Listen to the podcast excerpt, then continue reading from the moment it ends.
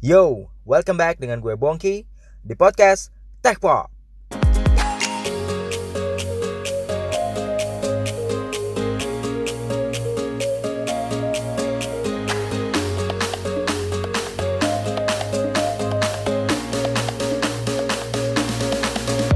Episode ke-13 kembali lagi dengan gue di sini.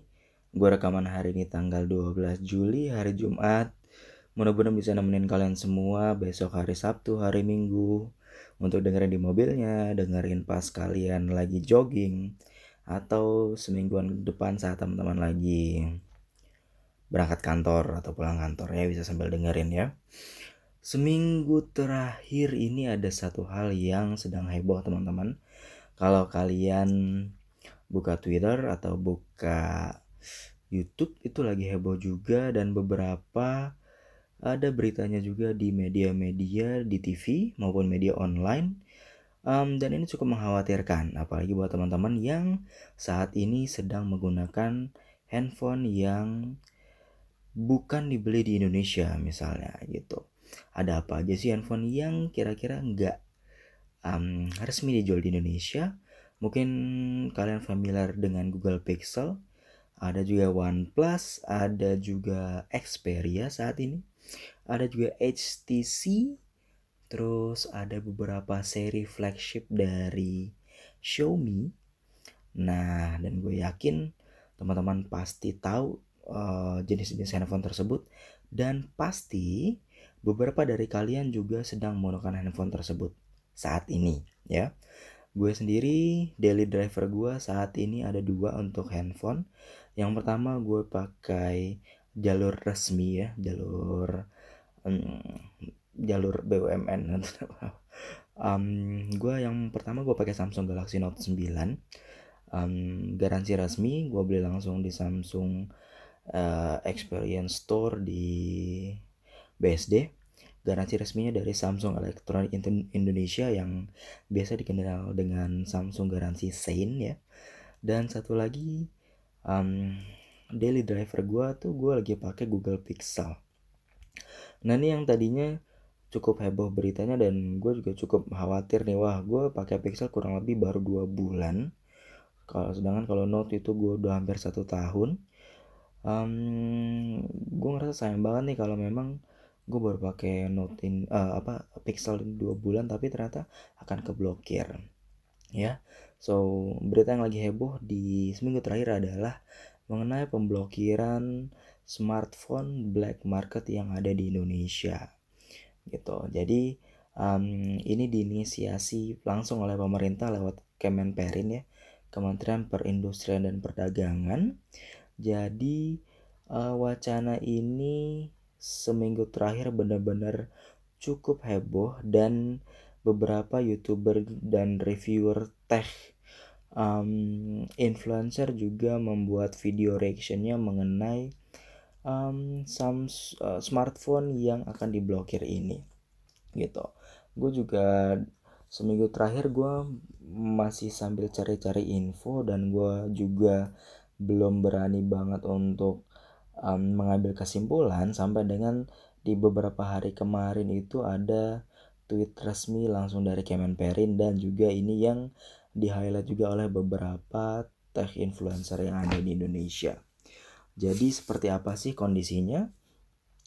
Uh, di bulan Agustus 2019 ini uh, tepat di hari kemerdekaan ya peringatan hari kemerdekaan pemerintah mengumumkan lewat Kementerian Komunikasi dan Informatika akan memulai rencana awal untuk penerapan blokir email untuk handphone atau smartphone-smartphone yang bukan resmi, bukan garansi resmi atau biasanya sih disebut dengan handphone BM. BM itu black market. Black market biasanya um, dijual ilegal ke Indonesia, biasanya lewat Batam atau juga biasanya lewat ada yang bawa langsung dari dari luar negeri mungkin mungkin ya pakai just tip just tip gitu tapi menurut gue sih buat uh, pengguna pribadi bukan berarti handphone yang dibeli di luar itu masuk sini dalam kondisi black market ya. Yang seperti apa itu ya nanti penjelasannya nanti uh, di segmen selanjutnya. Um, yang gue tahu rencana ini sih sebenarnya memang sudah ada ya.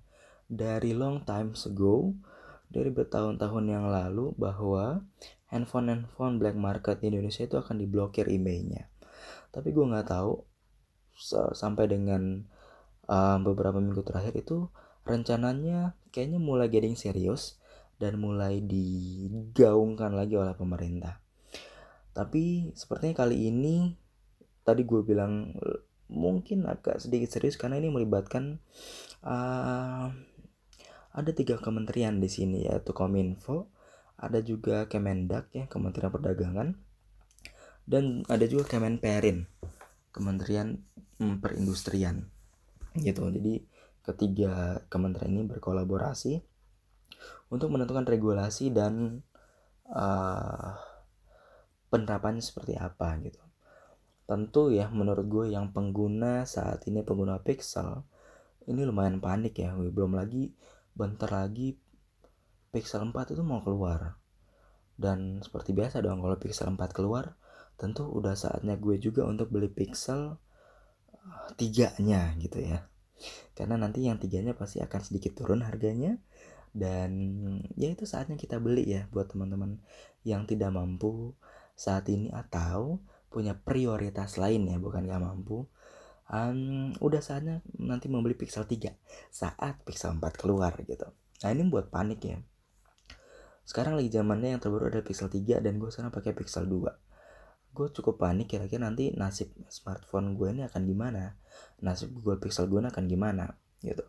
Dan di media sosial juga mulai semang siur tuh ngebahas kira-kira berbagai kemungkinan yang ada tuh akan gimana. Apa nanti di 17 Agustus itu akan langsung nggak bisa connect dengan operator lokal? Atau nanti handphone kita itu nantinya akan cuma jadi iPod doang gitu ya hanya bisa connect ke wifi tanpa bisa nelpon tanpa bisa standalone dengan SIM cardnya atau yang gimana tuh ya mulai banyak simpang siur gitu dan dari sini juga mulai timbul pertanyaan menurut gue sih yang pertama nih, misalnya gimana ya dengan turis asing nanti yang datang ke Indonesia gitu. Kebetulan gue um, gue bekerja di sebuah perusahaan multinasional dan kita setiap waktu itu selalu ada aja kunjungan apakah auditor, visitor atau trainer dari dari luar negeri yang datang ke Indonesia. Kira-kira nanti akan gimana? Kita bisa trade mereka gimana? um, akankah kita harus ngebeliin mereka handphone baru supaya mereka bisa berkomunikasi atau um, mereka nanti handphonenya akan saat mereka masuk ke Indonesia mereka harus bayar pajak dengan handphone yang dia punya sendiri atau turis-turis yang akan berlibur ke Bali seperti yang kita tahu. Indonesia ini negara negara yang pariwisatanya itu keren ya. Nanti akan gimana kira-kira? Atau nih teman-teman diaspora yang sedang di luar misalnya mereka beli handphone ya beberapa tahun terakhir dan mereka akan kembali ke Indonesia setelah 17 Agustus 2019 mungkinkah mereka harus beli handphone baru lagi? Atau mereka harus gimana gitu? Padahal kalau bilang mereka sendiri ya warga Indonesia. Dan mereka juga beli handphone di luar sebenarnya bukan berarti mereka tidak menghargai um, Indonesia. Bukan berarti mereka nggak bayar pajak di Indonesia gitu kan. Dan banyak banget skenario yang lain yang berkembang. Lalu nanti misalnya kita mau beli nih um, OnePlus kita beli di Singapura. Lalu kita masuk ke Indonesia apakah cukup dengan kita bayar pajak di bea cukainya saja? Apakah itu cukup untuk menghindari handphone kita dari blokir atau tidak? Ya itu kita juga nggak tahu karena beritanya sendiri masih simpang siur. Dan regulasinya sendiri belum jelas.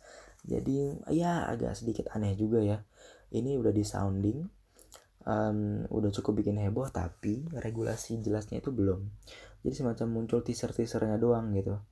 Mungkin menurut gue sih ya seperti biasa tuh um, pemerintah mulai um, lempar nih lempar isu atau lalu ngeliat respons dari netizen respons dari halayak ramai kira-kira akan gimana nih?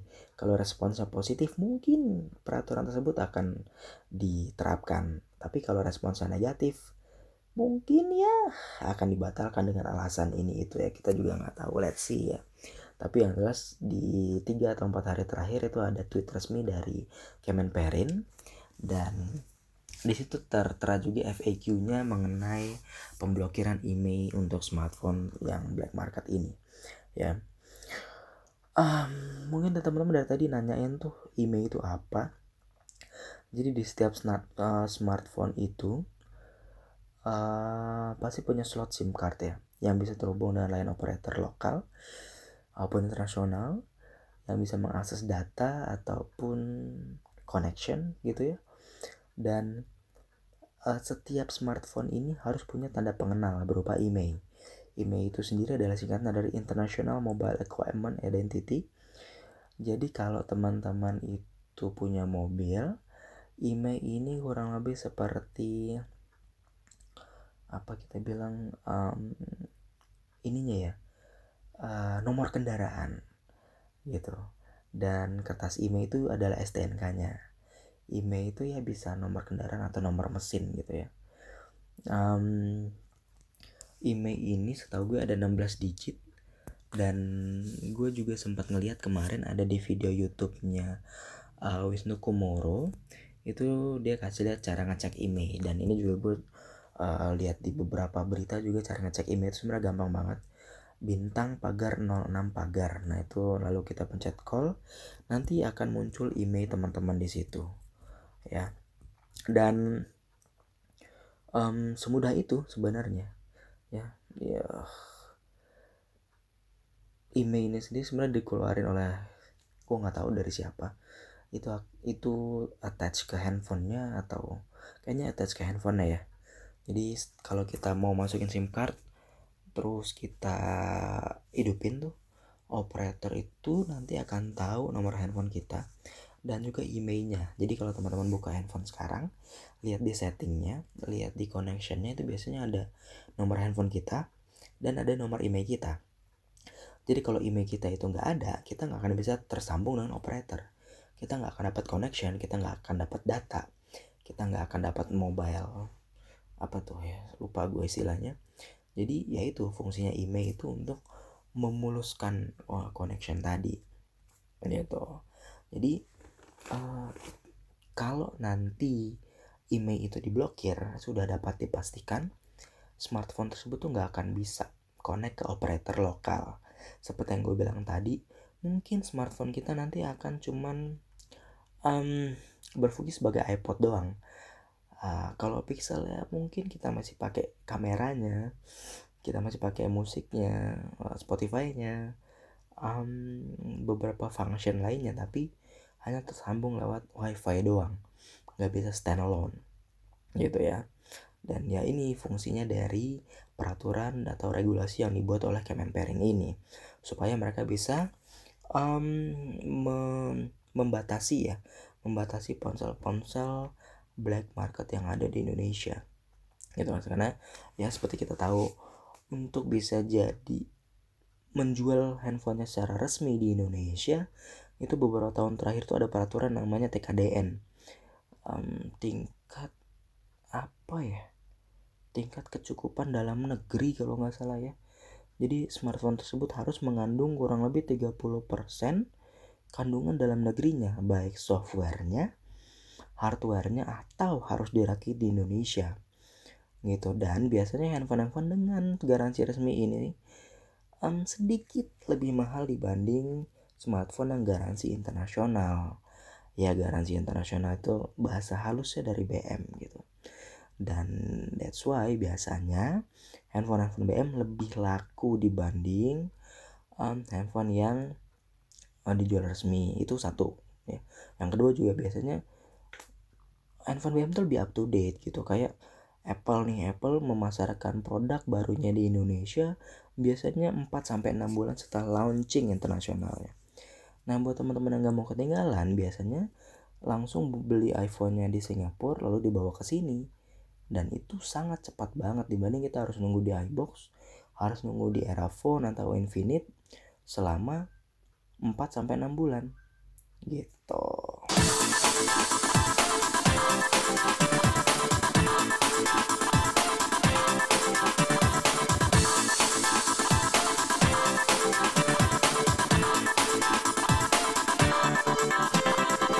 Oke, balik lagi di segmen kedua podcast Tech Pop dengan Bongki di sini. Podcast Tech Pop adalah podcast mingguan yang berisi informasi-informasi teknologi yang sedang populer yang ada di sekitar Anda. So, teman-teman bisa tungguin podcast ini launch setiap hari Sabtu pagi. Tujuan uh, tujuannya untuk menemani weekend kalian. Uh, siapa tahu uh, omongan-omongan gue bisa memberikan informasi, um, referensi juga sehingga di weekend teman-teman bisa cari handphone um, bisa tahu informasi-informasi terbaru yang membuat yang membantu teman-teman dalam memutuskan apa yang terjadi di hidup anda. Apa sih? Ngaco ya makin lama-lama. Aduh bingung gue. Oke. Okay. seperti yang gue bilang tadi di segmen kedua kita mau ngeliat lebih dalam lagi. Ya mungkin sedikit lebih dalam lagi mengenai aturan email yang harus terdaftar ini ya. Um, email email. Menurut Kemenperin im, handphone BM tersebut harus diblokir emailnya karena handphone BM ini tidak melewati tes dari Dirjen Postel sehingga kalau teman-teman beli handphone BM itu nggak akan ada hmm, stiker postelnya gitu ya di di boxnya ya jadi walaupun brand atau tipenya sama setiap negara tuh punya spesifikasi jaringan yang berbeda-beda.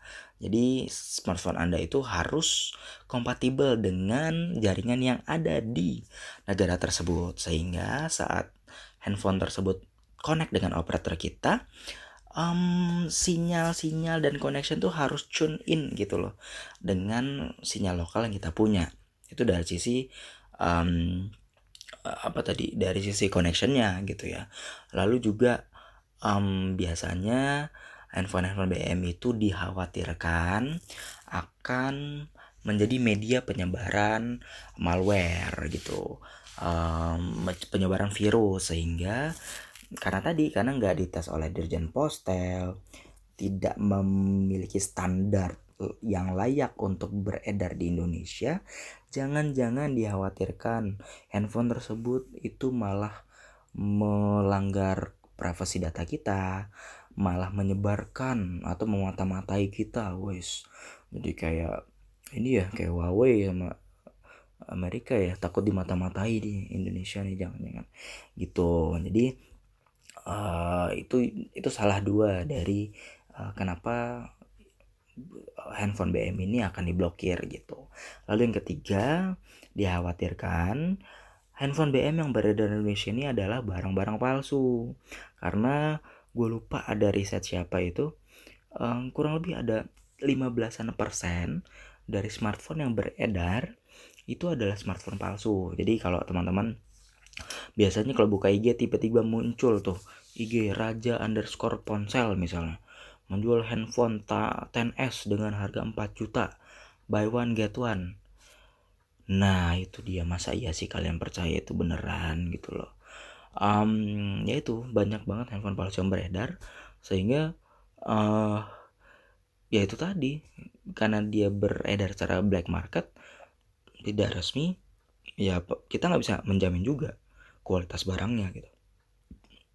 Jadi walaupun boxnya sama, packagingnya sama, bentuknya sama, begitu uh, misalnya kita bentuknya benar-benar handphone 10s begitu dihidupin ya Android man nggak mungkin kan siapa yang mau tanggung jawab kayak gitu? Nah pemerintah pengennya sih memfasilitasi tersebut dan melindungi hak-hak konsumen yang ada di Indonesia gitu. Lalu um, apa ya teman-teman mungkin tahu ya yang paling sering dipalsuin tuh apa sih?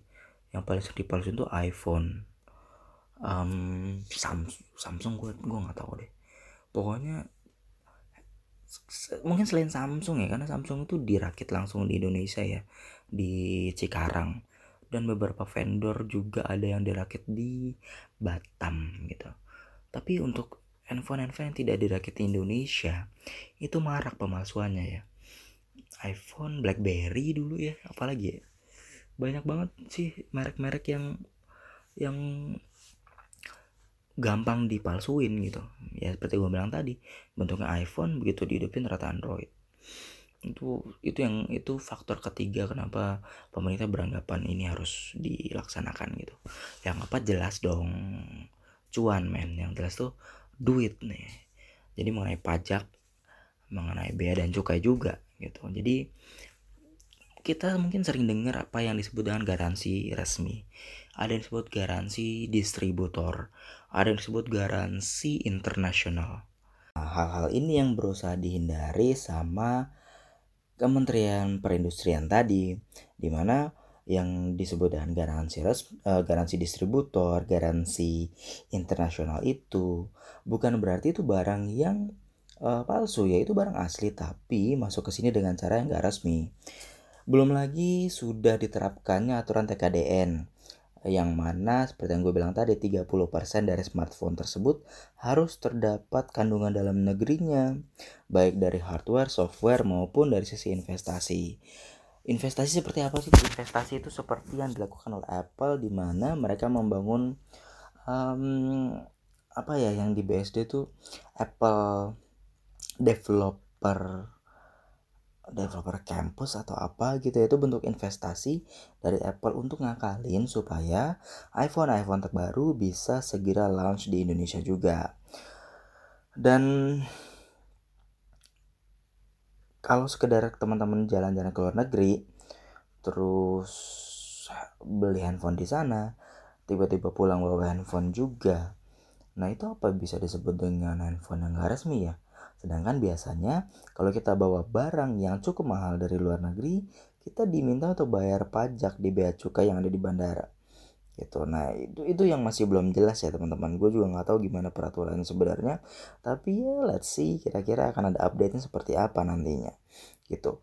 Yang jelas dengan peredaran barang non resmi ini hmm, akan sedikit mempengaruhi sumbangan pajak yang resmi kepada negara. Di mana seingat gue dengan beredarnya, beredarannya smartphone tidak resmi di Indonesia itu bisa membuat rugi negara sebesar kalau gua nggak salah itu sekitar 13 triliun rupiah. Gitu. Jadi gimana caranya? Selain tadi memperketat pajak memperketat aturan TKDN dan yang terakhir pemerintah berusaha untuk memblokir email untuk handphone-handphone yang tidak resmi. Gitu.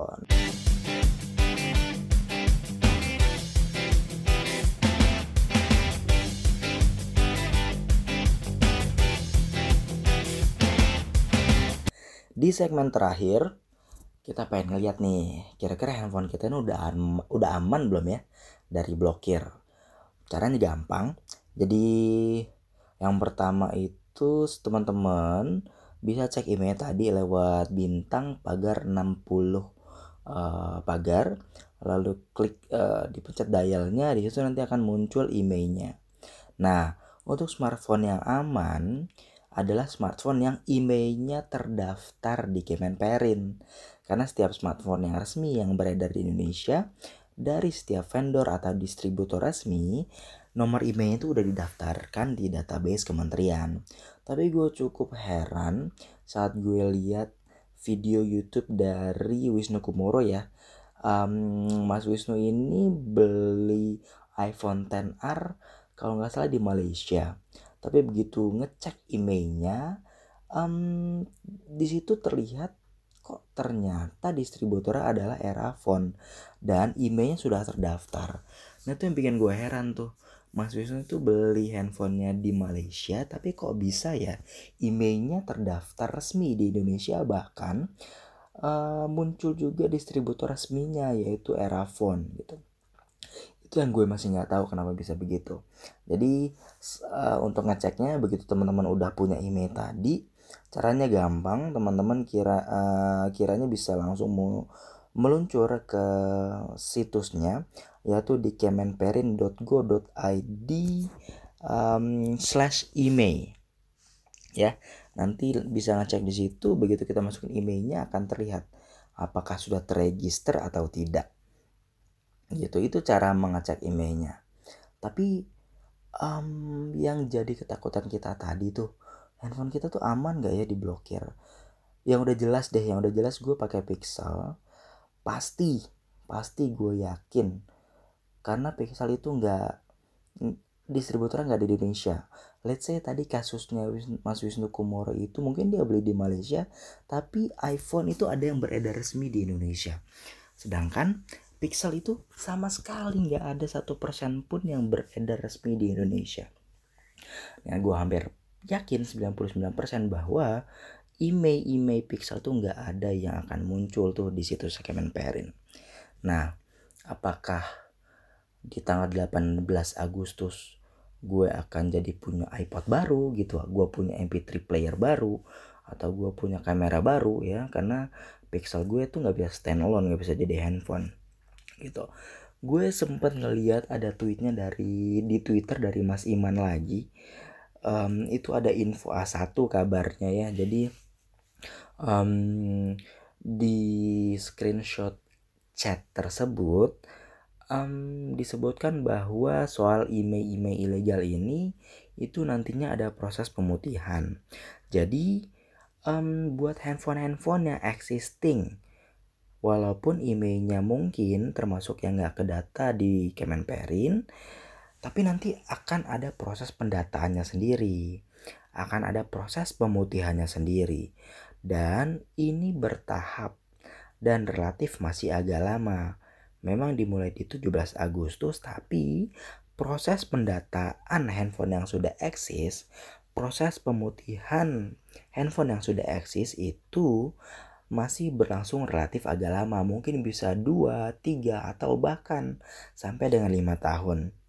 Jadi, buat handphone yang sudah terblokir sekarang, itu proses pemblok uh, sorry sorry handphone yang sudah beredar sekarang itu proses pemblokirannya akan masih lama begitu nanti teman-teman um, nanti nggak begitu ngecek nih di di Kemenperin nggak ada emailnya tapi mungkin di next stepnya adalah teman-teman diminta untuk mendaftarkan email handphone teman-teman semua sekarang untuk nanti didata dan masuk ke program pemutihan tadi sampai nanti benar-benar handphonenya tidak bisa digunakan lagi gitu jadi pemerintah juga nggak semerta-merta langsung bikin kita rugi gitu.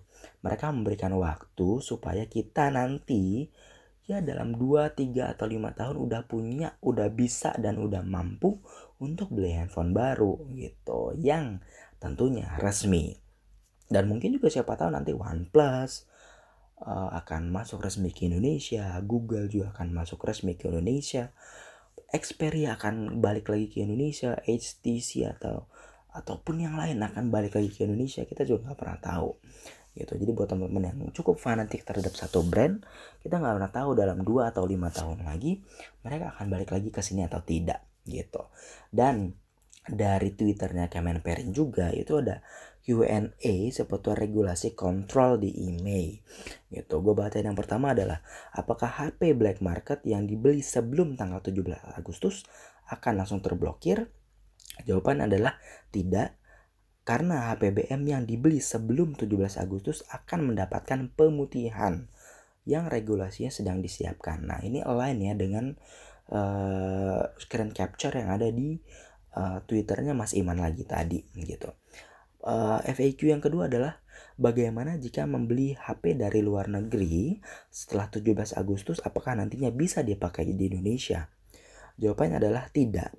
HP impor yang dibeli setelah 17 Agustus tidak dapat digunakan di Indonesia.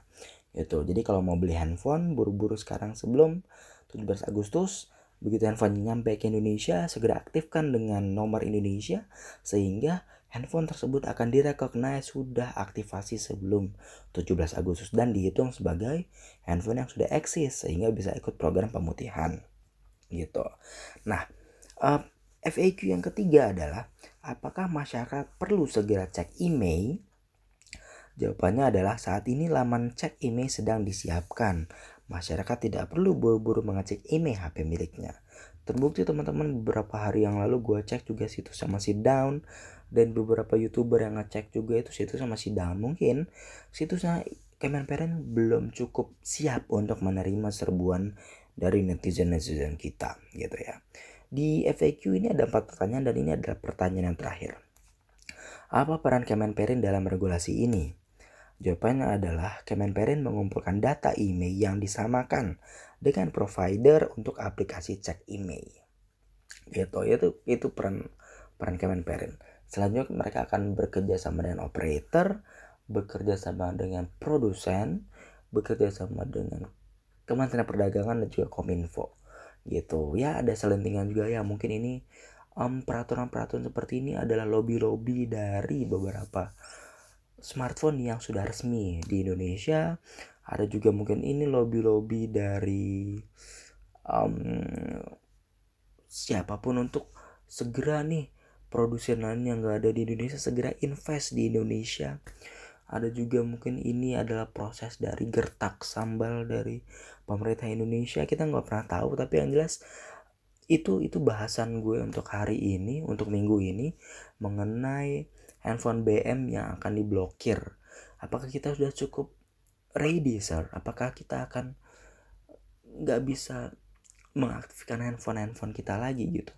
Dan mudah-mudahan uh, bahasan gue minggu ini cukup membantu dan bisa menenangkan teman-teman yang saat ini untungnya atau sayangnya sedang menggunakan handphone yang mungkin tidak resmi beredar di Indonesia. So, nggak perlu takut kita punya proses pemutihan um, 2 sampai 3 sampai 5 tahun mungkin katanya.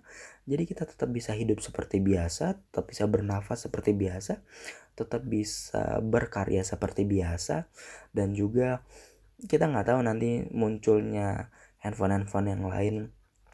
Ya tapi sih gue tetap yakin ini kayaknya akan tetap tetap ujung-ujungnya juga akan duit juga atau ya ujung-ujungnya juga pasti masyarakat Indonesia bisa ngakalin lah tiba-tiba muncul nih OnePlus 10 tiba-tiba ya orang kita bisa aja gitu injek emailnya atau apa nanti mungkin akan muncul jasa-jasa seperti itu ya mungkin ya karena tadi bangsa kita adalah bangsa paling kreatif gitu walaupun kadang kreatifnya digunakan hal yang positif atau yang negatif gitu so itu dia bahasan gue minggu ini. Terima kasih teman-teman sudah mendengarkan. Semoga bermanfaat. Sampai ketemu lagi di episode selanjutnya dari podcast Tech Pop. Gue Bongke sign out. Bye bye. See ya.